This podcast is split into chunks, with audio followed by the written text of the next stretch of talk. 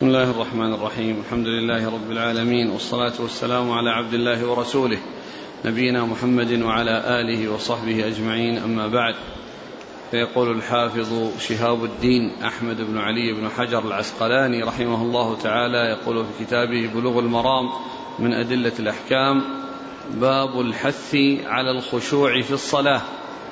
عن أبي هريرة رضي الله عنه أنه قال نهى رسول الله صلى الله عليه وعلى آله وسلم أن يصلي الرجل مختصرا. متفق عليه.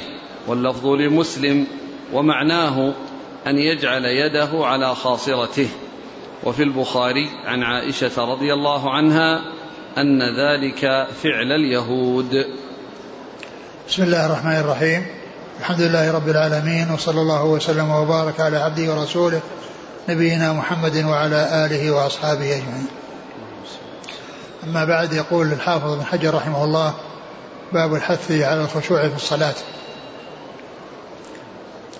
أي أن الإنسان يجتهد ويحرص على أن يكون مقبلا على صلاته منشغلا بها عن غيرها لا يحصل منه أي شيء يشغله عن صلاته ف والخشوع في الصلاة يكون في القلب ويكون في الجوارح. يكون في القلب وهو خشوع خضوع القلب لله عز وجل وإقباله عليه ويكون بالجوارح وهو السكون وعدم الانشغال, الانشغال عن الصلاة بشيء آخر وإنما يكون ساكنا في صلاته آه، لا يحصل منه أعمال تنافي الصلاة فإذا هو يكون على القلب ويكون على الجوارح. يكون بالقلب وهو خضوع الإنسان خضوع القلب لله عز وجل واستكانته وإقباله عليه وعدم انشغاله بشيء سواه.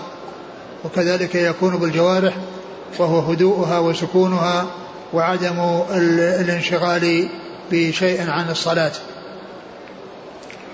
وأورد رحمه الله أحاديث من هذا الحديث عن النبي عليه الصلاة والسلام عن عن عن أبي هريرة. عن أبي هريرة. قال نهى رسول الله صلى الله عليه وسلم عن الاختصار في الصلاة. نهى رسول الله صلى الله عليه وسلم عن الاختصار في الصلاة. والاختصار في الصلاة أن يجعل يديه على خاصرتيه. يعني فيكون يعني وجاء في, في الرواية الأخرى عن عائشة أنه فعل اليهود. يعني أن في ذلك تشبه باليهود. وإراده في هذا الباب الذي هو الحث على الخشوع لأن هذا ينافي الخشوع ينافي الخشوع في الصلاة. وإنما الذي الذي يوافق الخشوع والذي هو مظنة الخشوع أن يجعل الإنسان يديه على يده اليمنى على اليسرى على صدره لأن هذه علامة الخضوع لله عز وجل والإقبال عليه. وأما كونه يجعل يديه على خاصرتيه فيكون يعني يشبه أو فيه شبه من الصليب الذي يكون فيه جانب يعني من يديه رايح إلى جهة اليمين وجانب من جهة اليسار. فإن هذا آه، فيه مشابهة لليهود وقد نهى عن ذلك رسول الله صلى الله عليه وسلم. إذا إيراد الحديث لأنه ينافي الخشوع. لأن هذه الآية تنافي الخشوع وإنما الذي يناسبها ويطابقها ويعني يكون محققا لها أي الخشوع هو أن يجعل يديه على صدره يده اليمنى على يده اليسرى على صدره. هذه الهيئة التي جاء بها الإسلام والتي آه، آه، فيها الخشوع لله عز وجل والخضوع. وأما هذه الهيئة فهي فيها مشابهة لليهود وفيها يعني عدم آه، ومنافاة هذا الخشوع. نعم. وعن أنس رضي الله عنه أن رسول الله صلى الله عليه وعلى آله وسلم قال إذا قدم العشاء فابدأوا به قبل أن تصلوا المغرب. متفق عليه. ثم ذكر هذا الحديث عن النبي صلى الله عليه وسلم قال إذا قدم العشاء فابدأوا به قبل أن تصلوا المغرب.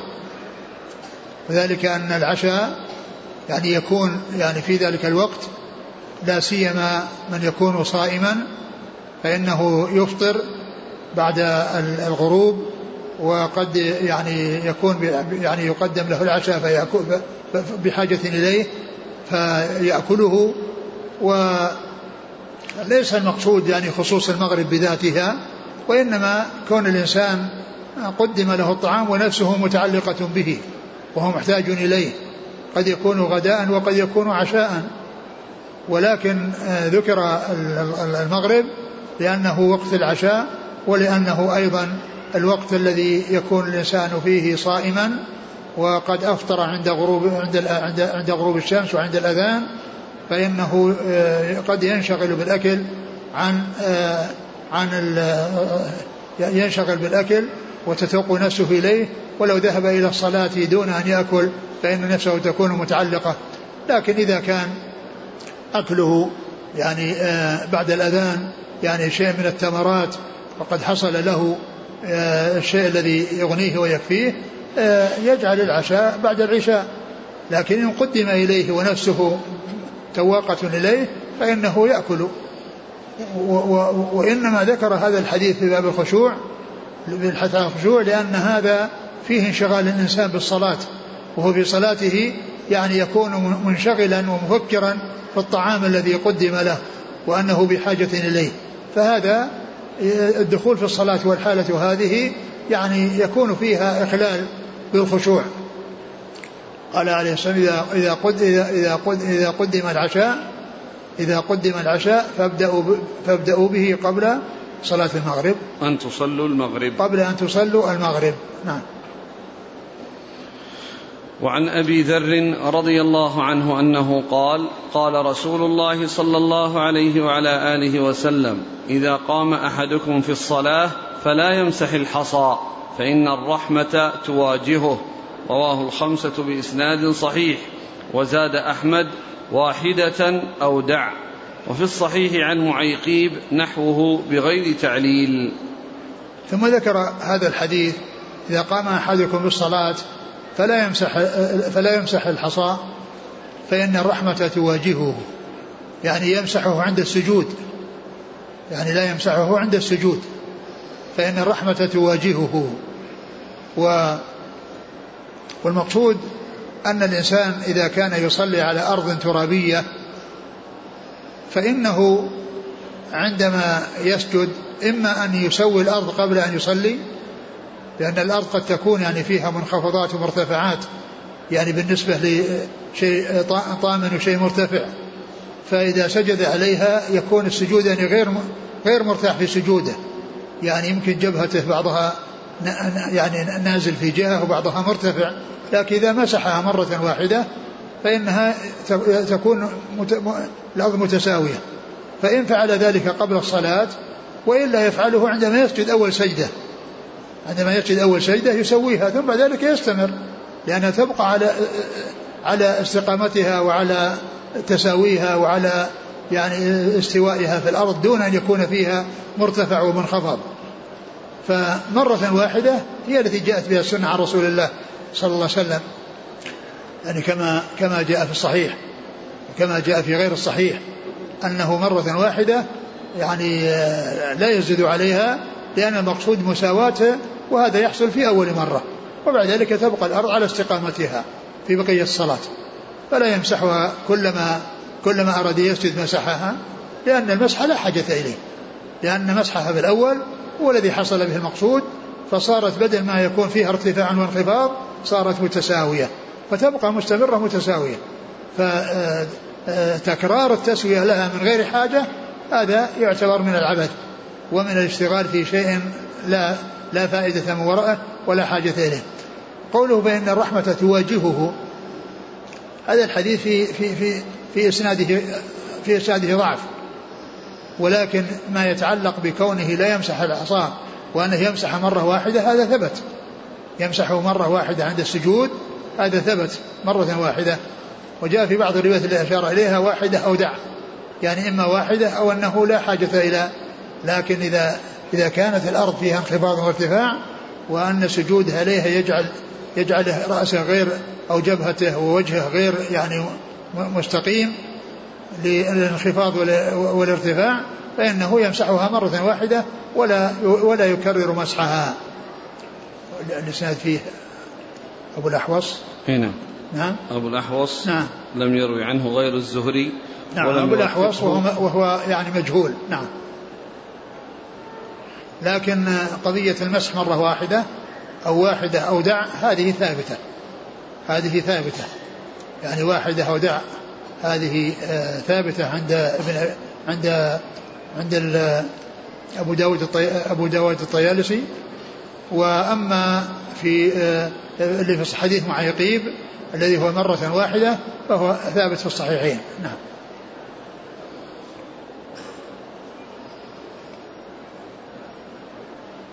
وعن عائشة رضي الله عنها أنها قالت سألت رسول الله صلى الله عليه وسلم عن الالتفات في الصلاة فقال هو اختلاس يختلسه الشيطان من صلاة العبد. رواه البخاري وللترمذي عن أنس وصححه إياك والالتفات في الصلاة فإنه هلكة فإن كان لا بد ففي التطوع. ثم ذكر هذا الحديث في الالتفات والإنسان عندما يدخل الصلاة يقبل على صلاته ولا يحصل منه التفات لا يمينا ولا شمالا وإنما يكون مقبلا على صلاته وينظر إلى مكان سجوده ولا يلتفت يمنة ولا يسرى ولا يلتفت يمنة وإنما ينشغل في صلاته عن كل شيء سواها. اللهم إلا أن يكون هناك يعني ضرورة أو هناك أمر يقتضي الإنسان يعني يلتفت يعني فإن ذلك سائغ للحاجة أو للضرورة. أما كون الإنسان يلتفت من غير أمر يقتضيه كأن يكون هناك عدو ويحصل التفات من أجل أن يرى هل هل هل هل, هل أقبل ذلك العدو الذي يأتي من جهة معينة فإن ذلك سائغ. لكن يلتفت بعنقه لا بجملته لا يستدير وإنما يلتفت مع مع استمراره إلى جهة القبلة. واتجاهه إلى جهة القبلة. واتجاهه إلى جهة القبلة. يعني آه، أما إذا لم يكن هناك أمر يقتضي ذلك فإنه يستمر في صلاته. وأبو بكر رضي الله عنه لما كان يصلي بالناس وقد جاء رسول الله صلى الله عليه وسلم وصار وراءه والناس صاروا يصفقون وكان لا يلتفت فلما رأهم صفقوا التفت. فرأى رسول الله صلى الله عليه وسلم. فرأى رسول الله صلى الله عليه وسلم فأشار له أن يبقى. وأن يستمر. فرفع يديه وحمد الله ولكنه رجع القهقراء وتقدم رسول الله صلى الله عليه وسلم. لأن الرسول عليه السلام دخل في الصلاة. دخل في الصلاة يعني معه ولكن لما صفقوا آه، وكان لا, يلتفت لصلاته آه، آه، رأى النبي صلى الله عليه وسلم فالرسول أشار إليه بأن يبقى وأن يبقى إماما ولكنه تقهقر ورجع القهقراء حتى تقدم رسول الله صلى الله عليه وسلم والحديث في الصحيحين فإذا الأصل أن الالتفات لا يجوز وقد جاء في الحديث أنه اختلاس يختلسه الشيطان من صلاة العبد يعني أن هذا من عمل الشيطان وأن هذا من من من من من من من, من, من سعي الشيطان للإخلال بصلاة العبد وحصول نقصانها وعدم إقبال الإنسان عليها ف فهو اختلاس مثل الذي يؤخذ بخفية. الاختلاس هو الذي يؤخذ بخفية يعني أن الشيطان يكيد له حتى يحصل منه الالتفات فيكون في ذلك عدم خشوع في صلاته لأن هذا ينافي الخشوع. كون الإنسان يلتفت في صلاته هذا ينافي الخشوع. ولهذا أورده في كتاب أورده في باب الخشوع أو باب الحث على الخشوع في الصلاة. لأن ذلك أي هذا العمل يعني آه، ينافي الخشوع يعني كونه يلتفت في الصلاة. أعد. عن عائشة رضي الله عنها قالت سألت رسول الله صلى الله عليه وسلم عن الالتفات في الصلاة فقال هو اختلاس يختلسه الشيطان من صلاة العبد. رواه البخاري. وللترمذي عن أنس وصححه إياك والالتفات في الصلاة فإنه هلكه. فإن كان لا بد ففي التطوع. ثم ذكر هذا الحديث عند الترمذي ولكنه آه، آه، إسناده ضعيف. في إيش؟ فيه علي بن زيد نعم. والانقطاع بين سعيد بن المسيب وأنس. نعم. فيه علتان علي بن زيد بن جدعان والانقطاع بين سعيد وأنس. نعم. وعن أنس رضي الله عنه أنه قال قال رسول الله صلى الله عليه وعلى آله وسلم إذا كان أحدكم في الصلاة فإنه يناجي ربه فلا يبزقن بين يديه ولا عن يمينه ولكن عن شماله تحت قدمه. متفق عليه وفي رواية أو تحت قدمه. ثم ذكر هذا الحديث عن النبي صلى الله عليه وسلم أنه قال إذا كان أحدكم في الصلاة فلا يبزقن أمامه فإن الله فلا يبزقن بين يديه ولا عن يمينه ولكن عن شماله. لا يبزقن عن يمين بين يديه ولا عن يمينه ولكن عن شماله أو تحت قدمه أو عن شماله أو تحت قدمه.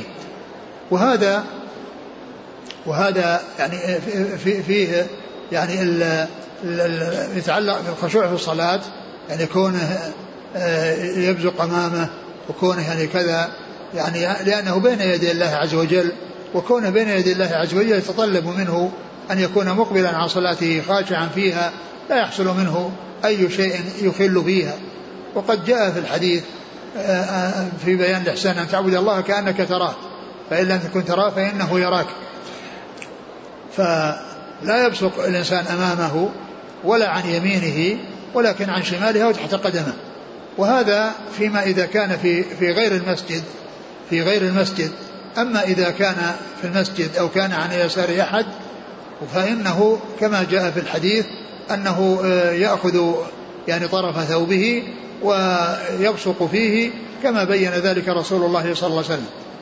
فبين ذلك رسول الله عليه الصلاة والسلام. ف فلا يحصل منه يعني آه، يعني هذا المحذور الذي لا ينبغي وإنما يكون عن شماله أو تحت قدمه. وأما إذا كان في المسجد فإنه ينزهه عن ذلك ويجعل ذلك في ثوبه أو إذا كان معه مناديل يعني يستعملها فإنه يستعملها بدلا من أن يضعها في الأرض. لأن وضعها في الأرض يعني آه كما جاء في الحديث هو خطيئة إذا كان في المسجد.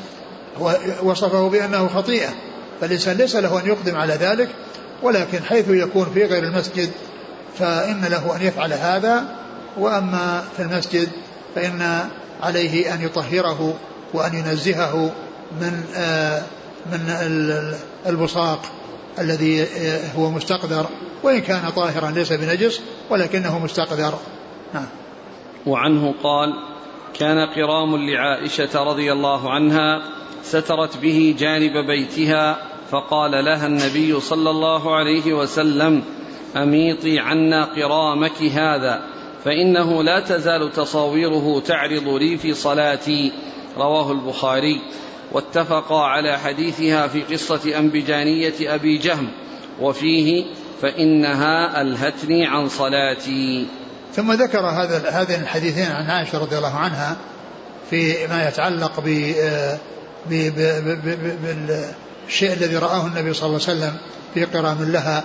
وأن يعني ما فيه من تصوير يعني كانت شغلته عن صلاته صلى الله عليه وسلم فأمرها أن تميطه وأن تزيله وكذلك فيما يتعلق بالخميلة التي آه التي آه الخميصة التي كانت أهداها إليه آه أبو جهم و فصلى بها. ثم إنه وكان فيها أعلام خميصة لها أعلام فكانت أعلامها أعلامها شغلته في صلاته. ولما فرغ الرسول عليه الصلاة والسلام وذهب إلى بيته آه، نزع هذه الخميصة الخميصة وقال ابعثوا بها إلى أبي جهم وأتوني بأنبجانية أبي جهم فإنها ألهتني عانفا عن صلاتي الأنبجانية هي هي هي كساء يعني ليس فيه آه، خطوط وليس فيه آه، أعلام وإنما هو يعني على هيئة واحدة وعلى نسق واحد. وإنما طلب الرسول عليه الصلاة والسلام أن يعطى أن يؤتى بالبجانية ورد عليه لأنه لما كان أهدى إليه الخميصة التي لها أعلام آه، فخشي أنه إذا ردها عليه أنه يتأثر من كون هدية ردت إليه فالرسول صلى الله عليه وسلم أراد أن يطيب خاطره بأن يأخذ عوضا عنها تلك التي ليس لها أعلام التي هي الانبجانية قال وأتوني بانبجانية أبي جهم فإنها أي الخميصة ألهتني آنفا عن صلاتي. وهذا آه، الحديث أو هذان الحديثان يدلان على أن الإنسان إذا كان أمامه شيء يعني يشغله وأنه آه، يحصل انشغاله في صلاته فإن هذا ينافي الخشوع. لأن هذا ينافي الخشوع. كونه يعني ينشغل بالخطوط أو بالنقوش أو ينشغل بكذا فإن هذا يلهيه عن صلاته. فهو ينافي الخشوع. فحصول شيء من ذلك مما يؤثر على الإنسان أن يتجنبه وأن يحرص على تلافيه حتى لا يحصل بسببه انشغال عن صلاته فلا يحصل له الخشوع ولا يحصل له الإقبال على صلاته لما يحصل له من الانشغال بالنظر إلى هذه النقوش. نعم. وعن جابر بن سمرة رضي الله عنه أنه قال قال رسول الله صلى الله عليه وعلى آله وسلم لينتهين أقوام يرفعون أبصارهم إلى السماء في الصلاة أو لا ترجع إليهم.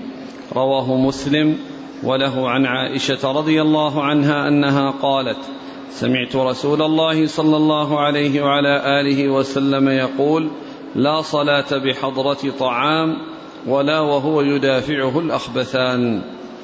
ثم ذكر هذا الحديث عن جابر بن سمرة رضي الله عنه أن النبي صلى الله عليه وسلم قال لينتهين أقوام عن رفعهم أبصارهم إلى الصلاة إلى السماء في الصلاة أو أو لا ترجعوا إليهم يعني هذا فيه التحذير من كل إنسان يصرف بصره ويرفعه إلى السماء أو يلتفت يمينه وشمالا وإنما يكون إلى موضع سجوده لأن هذا أدعى للخشوع. أدعى للخشوع أن الإنسان ينظر إلى مكان سجوده فلا يرفعه إلى السماء. فإن هذا من, من, من, من, من الانشغال عن الصلاة وهذا ينافي الخشوع. ينافي الخشوع. فلا يرفع بصره إلى السماء ولا يلتفت وإنما ينظر إلى مكان سجوده. قال أو لا, أو لا ترجع إليهم أي أن الله تعالى يعاقبهم بأن تذهب أبصارهم وأن يحصل لهم العماء فلا يحصل فيعاقبون يعني عقوبة تناسب الأمر المنكر الذي فعلوه لأنهم رفعوا أبصارهم إلى السماء فتكون العقوبة أنهم لا أنها لا ترجع إليهم أو أنهم لا تبقى معهم أبصارهم فيحصل لهم العمى بسبب ذلك فتكون العقوبة تتعلق بالشيء الذي حصلت فيه المعصية. تكون العقوبة تتعلق بالشيء الذي حصلت المعصية وهو رفع رفع البصر إلى السماء. رفع البصر إلى السماء. وهذا يدل على أن ذلك ينافي الخشوع وأن على الإنسان أن يبتعد عن ذلك ويحذر من الوقوع في ذلك ويكون مقبلا على صلاته غير آه، مشتغل بشيء آخر. وهذا كما هو معلوم من من من من, من, من عدم الخشوع في الأبد في البدن وفي أعضاء الإنسان لأن الخشوع كما قلنا يكون بالقلب ويكون بالجوارح. وهذا من عدم خشوع الجوارح يعني كل إنسان يلتفت يمين وشمال أو يرفع بصره إلى السماء كل هذا ينافي الخشوع. نعم. والحديث الثاني؟ عن عائشة قالت سمعت رسول الله صلى الله عليه وسلم يقول لا صلاة بحضرة طعام ولا وهو يدافعه الأخبثان. ثم ذكر هذا الحديث عن عائشة أن النبي صلى الله عليه وسلم قال لا صلاة بحضرة طعام ولا وهو يدافعه الأخبثان. يعني لا صلاة بحضرة طعام وذلك لأن الإنسان يكون مشوش مشوش الفكر في صلاته. نفسه متعلقة بالطعام الذي حضر فإذا لم يأخذ حاجته منه فإنه يكون في صلاته منشغلا فإنه يكون في صلاته منشغلا. وهذا من جنس الحديث الذي سبق أن مر الذي مر آه، آه، قريبا وهو أن الرسول عليه الصلاة والسلام قال إذا إذا إذا قدم العشاء فإذا إذا إذا قدم العشاء فابدأوا به قبل أن تصلوا المغرب قبل أن تصلوا المغرب. يعني هذا الحديث من جنس ذاك الحديث. فكان ينبغي أن يكون بعضهما بجوار بعض لأن هذا انشغال بالطعام وذاك انشغال بالطعام. لأن هذا الحديث فيه انشغال بالطعام عن الصلاة وهذا انشغال بالطعام عن الصلاة. إلا أن فيه زيادة شيء آخر وهو أنه يدافعه الأخبثان وأنه يدافعه الأخبثان. يعني أن الأخبثان البول والغائط يعني معناه أنه يجد أنه بحاجة شديدة إلى أن يذهب لقضاء الحاجة سواء من بول أو غائط وإذا دخل في الصلاة وهو على الآية فإنه يكون مشوشا وغير خاشع في الصلاة لأن نفسه متعلقة بهذا الذي يدافعه بهذا الذي يدافعه وهو البول أو الغائط. وكذلك فيما يتعلق بالطعام. فكل من الاثنين ينافي الخشوع. كل من الاثنين فيه منافاة الخشوع. هذا ينافي الخشوع في كونه متعلقا به ومشتهيه ونفسه تتوق إليه ومتعلقة بالطعام وقضاء نهمته وحاجته منه. وهذا يتعلق بهذا الأذى الذي آه، فيه والذي آه، آه، يدافعه ويخشى أن يترتب أو يحصل منه شيئا يعني فيه مضرة بأن يخرج منه شيء فلهذا هو مشغول البال ومتألم فكل هذا ينافي الخشوع. ولهذا نهى عن ذلك رسول الله صلى الله عليه وسلم فقال لا صلاة بحضرة الطعام ولا وهو يدافعه الأخبثان أي البول والغائط. نعم. انتهى الباب. بقي حديث. نعم. وعن أبي هريرة رضي الله عنه أن النبي صلى الله عليه وسلم قال التثاؤب من الشيطان فإذا تثاءب أحدكم فليكظم ما استطاع. رواه مسلم والترمذي وزاد في الصلاة. ثم ذكر هذا الحديث التثاؤب. والتثاؤب يدل على الكسل والخمول وأن الإنسان يعني غير مقبل يعني لا يحصل معه الإقبال على الصلاة. لا يحصل معه الإقبال على الصلاة يعني كونه يتثاءب عنده كسل وعنده خمول ويعني ليس هذا الشأن المقبل على صلاته الذي يكون آه، آه، مقبلا عليها يعني سليما من أي شيء يؤثر فيها. فهذا إرادة في الخشوع لأنه لأنه فيه الكسل. وفيه الخمول وفيه عدم الإقبال على الصلاة عدم الإقبال على الصلاة ولهذا أورده. فقال التثاؤب. نعم التثاؤب من الشيطان. التثاؤب من الشيطان لأن فيه الكسل وفيه الخمول والشيطان يريد من الإنسان ينشغل عن صلاته يريد من الإنسان ينشغل عن صلاته بالتثاؤب وغيره مما يريده الشيطان مثل الالتفات الذي مر اختلاس يختلسه الشيطان من صلاة العبد وهذا التثاؤب من الشيطان فيكون آه، آه، آه، عنده الفتور وعنده الكسل وعنده الخمول وعنده عدم الإقبال على صلاته. التثاؤب من الشيطان فإذا تثاءب أحدكم فليكظم ما استطاع. فإذا تثاءب أحدكم فليكظم ما استطاع. يعني لا يسترسل مع التثاؤب ويستغرق فيه ويعني وإنما يكظمه ما استطاع يكظمه ما استطاع. وجاء في بعض في بعض الأحاديث أنه يضع يده على على فمه كما في صحيح مسلم. إذا تثاءب أحدكم فليضع يده على فمه لأن هذا يمنع من من التوسع أو الزيادة في في التثاؤب. يعني كونه يكظمه يحاول أنه يعني يكظمه ويمنع فمه من الانفتاح بسببه ولهذا جاء في بعض في بعض الروايات فإن فإن احدهم إذا قال ها ضحك منه الشيطان. إذا قال ها يعني بسبب التثاؤب يعني ضحك منه الشيطان لأن هذا يعجبه ويسره لأنه آه، يحب أو يريد أن يكون الإنسان كسولا وأن يكون يعني آه، ليس عنده همة وليس عنده نشاط وليس عنده إقبال على العبادة. لأن آه، التثاؤب يعني يدل على الفتور ويدل على الكسل وأن صاحبه كأنه بحاجة إلى النوم وأنه قد يعني يحصل له شيء من أوائل النوم يعني بسبب ذلك فيتثاءب فيكون ذلك من من عمل الشيطان ومما يريده الشيطان وفيه الإخلال بصلاة الإنسان والانشغال عنها بهذا التثاؤب. ولهذا فإنه يكظم يعني يحاول أن لا ينفتح فمه بأن يتوسع في التثاؤب وفيه أيضا مما يساعد على عدم التوسع فيه أن يضع يده على فيه أن يضع يده على فيه كما ثبت في صحيح مسلم وغيره عن رسول الله صلى الله عليه وسلم. انتهى؟ نعم.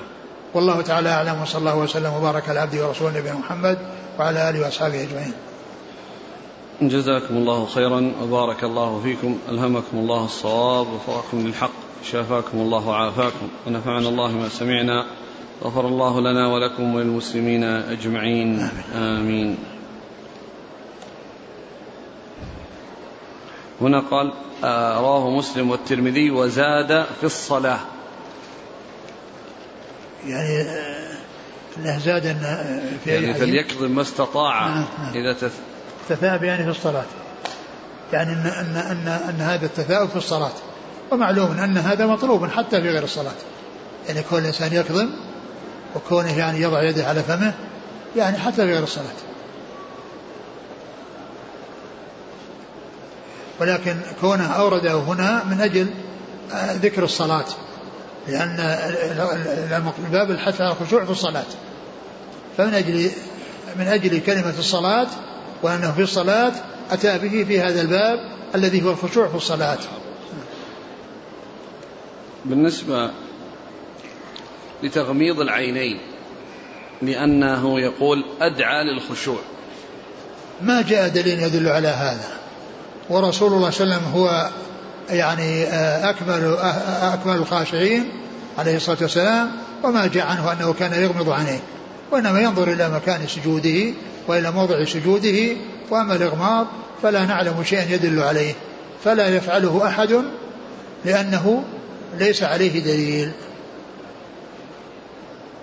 يقول جزاكم الله خيرا ماذا يفعل الإنسان الذي يأتيه التثاؤب في الصلاة؟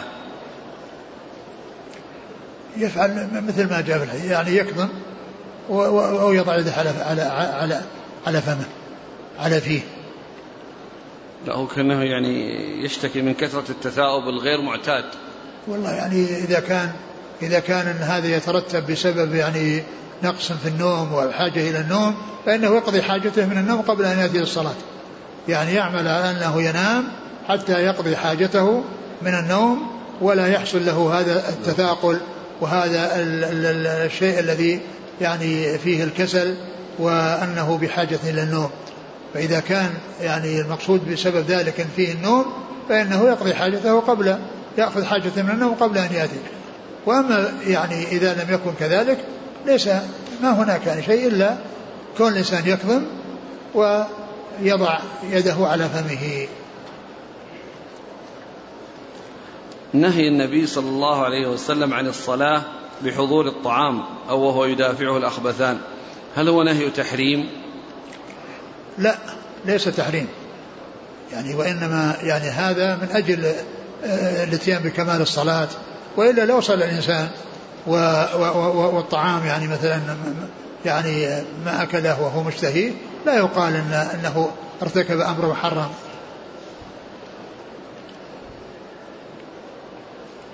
إذا أتى بما هو مطلوب في الصلاة إذا أتى بما هو مطلوب منه في الصلاة فإنه أدى ما عليه.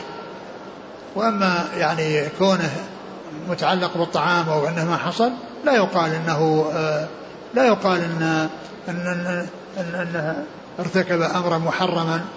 نعم إذا كان حصل منه بسبب ذلك تشوش فإنه فيه نقص في الصلاة فيه نقص في صلاته. هل ورد أنه إذا تثاءب شخص يقول أستغفر الله أو أعوذ بالله من الشيطان الرجيم وما حكم من قاله؟ ما نعلم دليل يدل على هذا. لا شك التثاؤب من الشيطان كما قال ذلك رسول الله صلى الله عليه وسلم. كما قال ذلك رسول الله صلى الله عليه وسلم. والاستعاذة من الشيطان مطلوبة لكن كونها سنة وأنها مطلوبة في هذا المكان ليس هناك دليل يدل عليه. ليس هناك دليل يدل عليه. وهو لا شك من الشيطان وكونه يعني يقول ان إنه يشرع للإنسان أن يتعوذ بالله من الشيطان في هذا الموطن ليس عليه دليل. يقول ما هي كيفية الاختصار المنهي عنه؟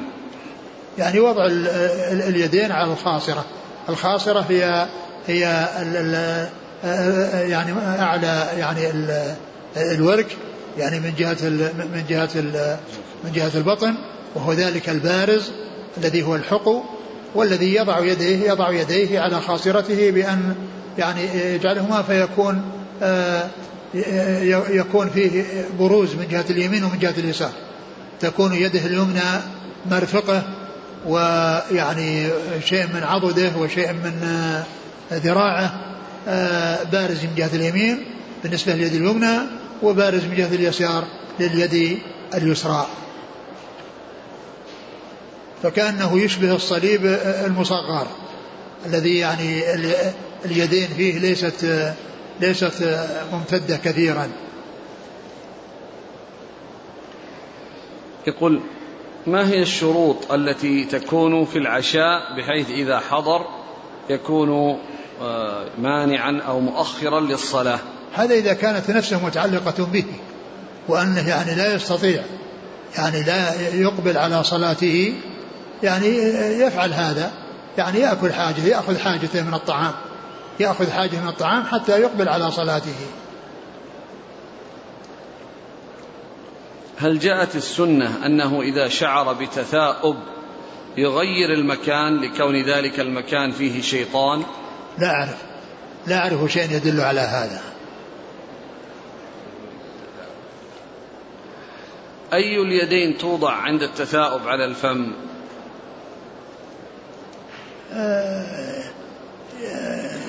يبدو أنه لا بأس بأن يضع اليمنى أو اليسرى. لكن إن وضع اليسرى يعني لأن هذا ليس من جنس الامتخاط هذا يتعلق بالفم. يعني فسواء فعل باليمنى أو فعل باليسرى كل ذلك صحيح. يقول إذا كان يدافع الأخبثان مدافعة شديدة يدافعه الأخبثان مدافعة شديدة ألا يحرم عليه متابعة الصلاة؟ إذا كان أنه آه، إذا كان أنه يعني يخشى أنه يخرج منه شيء فإن عليه أن يقطع الصلاة. إذا كان يخشى عليه لأنها لو حصل منه شيء فإنه يلوث ثيابه ويلوث المسجد. وإنما يعني إذا كان آه، لا يحصل شيء من هذا يستمر في صلاته. وإن كان يخشى أن يحصل من شيء فعليه المبادرة بقطع الصلاة والذهاب لقضاء حاجته. قلت فإن الرحمة تواجهه. هل الرحمة في الحديث شيء حسي يمسح أم أنه معنوي؟ يعني يبدو والله أعلم أنه أولا الحديث هذا ضعيف يعني لا, لا تقوم به حجة ولم يثبت عن رسول الله يعني هذا التعليل ولكن المقصود به يعني كأنها كأنه نفس البقعة ونفس المكان الذي يعني كذا يعني معناه أن هذا الذي يعلق به أو هذا اللي يصير به أنه من الرحمة. لكن آه الحديث غير ثابت. هل رفع البصر إلى سقف المسجد أو المنزل مثل رفع البصر إلى السماء؟ آه لا فرق بينهما لأن لأن هذا رفع هو رفع إلى السماء إلا أن فيه سقف. وقد يكون رفع إلى السماء بدون سقف. كله رفع إلى السماء قال. يعني الإنسان إذا رفع نفسه فوق رفع فوق رأسه إلى السماء سواء كان في مكان مسقوف أو غير مسقوف فالرفع إلى السقف هو رفع إلى السماء يعني رفع إلى فوق. المقصود به الرفع إلى فوق سواء كان في مكان مغطى أو مكشوف. هل النهي عن البصاق إلى القبلة أو إلى اليمين مطلق أو في الصلاة خاصة؟ لا حتى في غير الصلاة. حتى في الصلاة لا يستعمل البصاق يمينه لا أمامه ولا عن يمينه.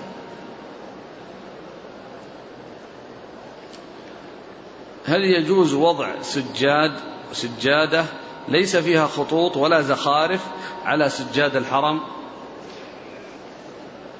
ما ينبغي للإنسان أنه يتكلف ويأتي بسجاجيد يعني يضعها في الحرم ولكنه يقبل على صلاته ولا ينشغل بال يعني بالنقوش. لا يقال ان كل إنسان يأتي بسجادة حتى يضعها على الفراش اللي في الحرم. يقول لماذا لكن إذا أتى بالسجادة من أجل أنه ما يحصل مكان على الفراش وأنه يعني بدل ما يصلي على البلاط والبلاط بارد فيعني آه، يستعملها في البلاط هذا لا بأس به لا بأس بذلك ولو أنه أتى بها وبدل ما يعني يعني يرميها قدامه يعني فرشها وصلى عليها لا بأس. لكن كونه يأتي بها من أجل يجعلها على السجاد سجادة على سجادة لا, لا, لا ينبغي هذا أبدا. لكن إن أتى بها للبلاط ولكنه وجد مكانا في غير البلاط وبدل ما يرميها استعمل وضعها لا بأس.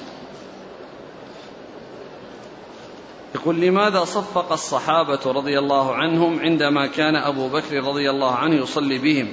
وفي الحديث التسبيح للرجال والتصفيق للنساء.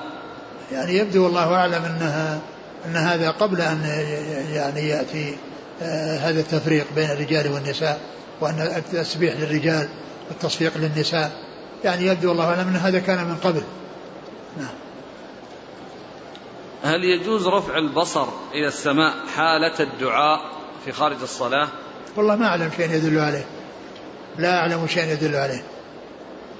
إذا كان التثاؤب من الشيطان فهل ينفى عن النبي صلى الله عليه وسلم؟ فهل إيش؟ إذا كان التثاؤب من الشيطان فهل ينفى التثاؤب عن النبي ما ندري ما ندري يعني أقول ما ندري يعني كونه الرسول صلى الله عليه وسلم لا يتثاءب أو لا يحصل التثاؤب لا نعلم شيئا في ذلك. يقول ذكر بعض أهل العلم أن من أسباب أن يكون البصاق عن الشمال عن الشمال دون اليمين أن الملك المقيم عن اليمين هو أشرف من الملك المقيم على الشمال. هل هذا عليه دليل؟ الله أعلم. ما نعلم ما نعلم شيء يدل على هذا. يقول كيف يكون وضع اليد على الخاصرة من فعل اليهود مع أن فيه تصليب وهو الأصل للنصارى؟ يعني اليهود هو الذي جاء فعلهم لكن ما كان ما ليس, ليس معنى ذلك أنهم يريدون التصليب. وإن وإنما المقصود من ذلك أن هذه هيئتهم وهذه طريقتهم. لكن يعني عند عند التوضيح وعند البيان يعني معناه إنه يشبه يشبه الصليب. يشبه الصليب. يعني هذه الهيئة فيها شبه بالصليب. واليهود طبعا لا, لا, لا علاقة لهم بالصليب. وإنما هذا شأنهم وهذا فعلهم. هل الدم الذي يخرج من الأنف بكثرة يبطل الصلاة؟ آه الإنسان إذا خرج منه الدم بكثرة لا يستمر في صلاته يقطعها ويذهب أما إذا كان شيئا يسيرا ويعني آه آه رده يعني بمنديل أو غيره فإنه لا يبطل. خروج الدم لا يبطل الصلاة. الخروج خروج الدم عرفنا فيما مضى أنه لا يبطل الصلاة. ولكن لكونه يعني يخرج من الإنسان وبكثرة وقد يعني يحصل منه تلويث ثيابه وتلويث المسجد فإنه يضع يعني على فمه على أنفه شيء ويذهب. ما حكم صلاة من يرد على الجوال بقوله سبحان الله دون كلام؟ مثل هذا من العبث الذي لا يجوز الإنسان أن يفعله لأن كونه يمسك الجوال ويروح يجعله عند أذنه هذا من العبث. لكن كونه يقول سبحان الله وما حصل منه إلا سبحان الله هذا لا يؤثر في الصلاة. لأن التسبيح وذكر الله عز وجل هذا يعني آه، ثابت. يعني الإنسان كونه يأتي بالتسبيح ويأتي بذكر الله عز وجل في الصلاة. لكن كون الإنسان يريد الجوال أول الجوال ينبغي يسكره قبل ما قبل ما يدخل الصلاة. وقبل أن يأتي المسجد أقبل المسجد يقفله. حتى لا يشوش على الناس بالصوت. حتى لا يشوش على الناس بصوته. ف وإذا كان آه لم يقفله يخليه على الصامت حتى يعرف من اتصل به. فإذا فرغ من صلاته اتصل بمن اتصل به على حسب الرقم الذي وجده. أما كونه آه، آه، يأخذ الجوال ويرد عليه ويقول سبحان الله هذا غلط. لكنه لا يؤثر على الصلاة. الصلاة يقول كونه ما قال فيها إلا سبحان الله هذا لا يؤثر. هل الدم نجس؟ نعم جمهور العلماء أو كالإجماع من من بعض من العلماء على أنه نجس. رجل يغوص في البحر فيدخل بعد صلاة الظهر ويخرج بعد صلاة العصر فهل يجوز له أن يجمع الصلاتين؟ أعد أعد. يقول رجل يغوص في البحر فيدخل بعد صلاة الظهر ويخرج بعد صلاة العصر. فهل يجوز؟ يدخل بعد صلاة الظهر؟ هكذا قال. إذا خرج بعد صلاة العصر يصلي العصر. وما في جمع لأنها يعني يعني هل هل صلى الظهر أو ما صلاها؟ أولا إذا كان دخل وقت الظهر فعليه أن يصلي الظهر ثم يغوص. وإذا يعني تأخر وقت صلاة العصر إلى يعني قبل وقت آه، خروج الوقت الاختياري فإن ذلك صحيح وعمله صحيح. وأما كونه يعني يغوص يغوص في البحر يعني قبل صلاة الظهر وكذا يعني على الإنسان أنه آه، يحسب حساب للصلاة بأن يجعل هذه وقتها وهذه وقتها لأن هذا بإمكانه. بإمكانه أن يأتي بالصلاة في وقتها وبإمكانه أن يأتي بهذه الصلاة في وقتها. لكن إن, إن, إن دخل في البحر وجاء وقت العصر وهو في البحر وأراد أنه يأخر إلى آخر الوقت الاختياري لا بأس بذلك. إلى آخر الوقت الاختياري الذي هو اصفرار الشمس. نعم. إذا كان آه، الاختصار في الصلاة منهي عنه لأنه في تشبه باليهود ألا يعمم الحكم بعلة التشبه؟ كيف يعني؟ يعني الاختصار نعم عموما ممنوع. في الصلاة خارج الصلاة. نعم هو في علة في, في, في التشبه. فيه التشبه. حتى في الصلاة وغير الصلاة. فيه تشبه باليهود أقول تشبه باليهود في الصلاة وغير الصلاة. لكن ما أدري اليهود هل هم ما يفعلون هذا إلا في الصلاة؟ إذا كان هم ما يفعلونه إلا في الصلاة ولا يفعلونه في غير الصلاة معناه أن تشبه في, في, في, في هذه الحال التي يستعملونه فيها. لكن هذه الهيئة يعني في غير الصلاة يعني كون الإنسان يستعملها لحاجة وكذا ما نعلم شيء يمنعها. لأن المقصود من ذلك يعني إذا كون اليهود يعني أنهم إذا كان لا يسعون إلا في الصلاة فإن التشبه إنما هو في الصلاة. ولهذا جاء في الحديث أنه يصلي مختصرا. أنه يصلي مختصرا. يقول ما حكم تحفيظ الأذكار والأدعية جماعة لعامة الناس. كون الإنسان يعلم يعلم الجماعة وكل واحد منهم يعني يأخذ ما علم إياه ويحفظه هذا مطلوب. أما كونهم في صوت واحد هذا ما له وجه. لا سيما من الكبار. لا سيما من الكبار. كل واحد يعني يحفظ لنفسه أولا المدرس أو المعلم يلقيه عليهم صحيحا مستقيما وإن جعل كل واحد منهم يأتي أو يقرأ عليه حتى يعني يسدده ويصوبه ويعرف أنه يعني على يحفظ على بينة ويحفظ على آه، طريقة صحيحة لا بأس. أما كونهم في صوت واحد هذا ما ما أعلم شيء يدل عليه. يقول هل هناك حدود أو ضوابط في مسألة القياس في العبادة؟ كيف؟ هل هناك حدود أو ضوابط في مسألة القياس في العبادات؟ ما أعرف يعني ضوابط لكن إذا كانت المسألة يعني فيها ليس فيها نص وليس فيها يعني إجماع واحتيج فيها إلى القياس لا بأس بذلك. السؤال الثاني يقول إذا ترك المبيت في منى لعدم الاستطاعة والقدرة شبه المغمى عليه. فماذا يترتب؟ إذا ترك المبيت في منى لعدم استطاعته وقدرته بحيث أنه شبه مغمى عليه. المغمى عليه كما هو معلوم يعني هو يعني آه، أشد من النائم. النائم يعني يعني فقد يعني إحساسه ولكنه إذا نبه يتنبه. وأما المغمى عليه لا يتنبه. يعني هذا مثل الميت أو مثل المجنون الذي يعني آه، لا, لا, لا عقل له. أما يعني آه، إذا كان إذا كان موجودا في في في, في منى وهو سواء مغمى عليه أو مغمى عليه فإن فإنه حصل منه المقصود مثل ما لو كان نائما. لو كان نائما طول الليلة يعني آه، هو نائم يعتبر سواء نائم أو مستيقظ لأنه لا يشترط في المبيت بمنى النوم فلو جلس ولم ينم ولا يعني ولا دقيقة واحدة فإن فإنه يعتبر بات.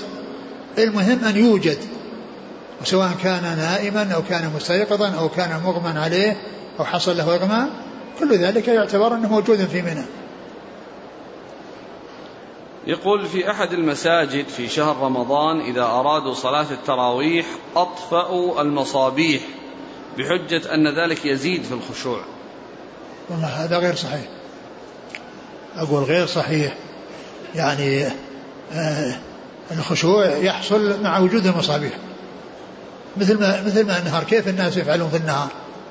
النهار الضوء موجود. فأطفاء المصابيح ما أعلم له وجه. ولا يعني ولا ينافي الخشوع يعني يكون الضوء موجود وكون النور موجود.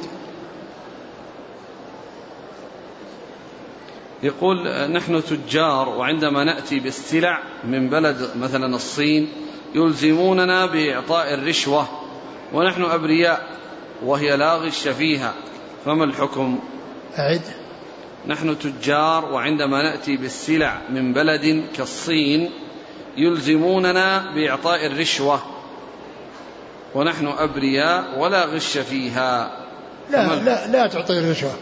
لا تعطي الرشوة لأحد وإنما يعني عليك يعني هؤلاء الذين آه، يريدون أن يأخذوا رشوة من صاحب المال الذي أتى به إن كان هؤلاء موظفين ووجد وتمكن من أن يصل إلى مرجعهم الذي يمكن أن يخلصه من ظلمهم يعني فعل.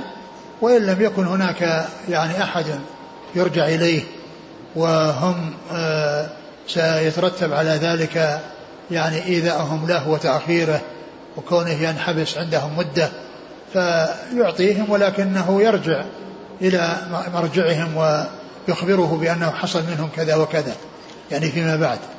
أما إذا كان هؤلاء الذين يأخذون منه ليسوا موظفين وإنما هم لصوص ويعني لا يتمكن من التخلص منهم إلا بإعطائهم يعني آه، شيئا مما معه أو شيئا من ماله وأنه يخشى, يخشى أنهم يأخذون كل ما عنده إذا لم يعطهم. فلا شك أن كونه يعني يبقي على بعض ما عنده أولى من كونه آه، يفقده جميعا.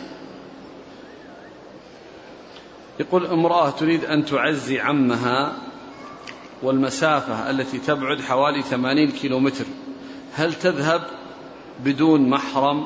يجوز لها ذلك؟ لا لا تذهب.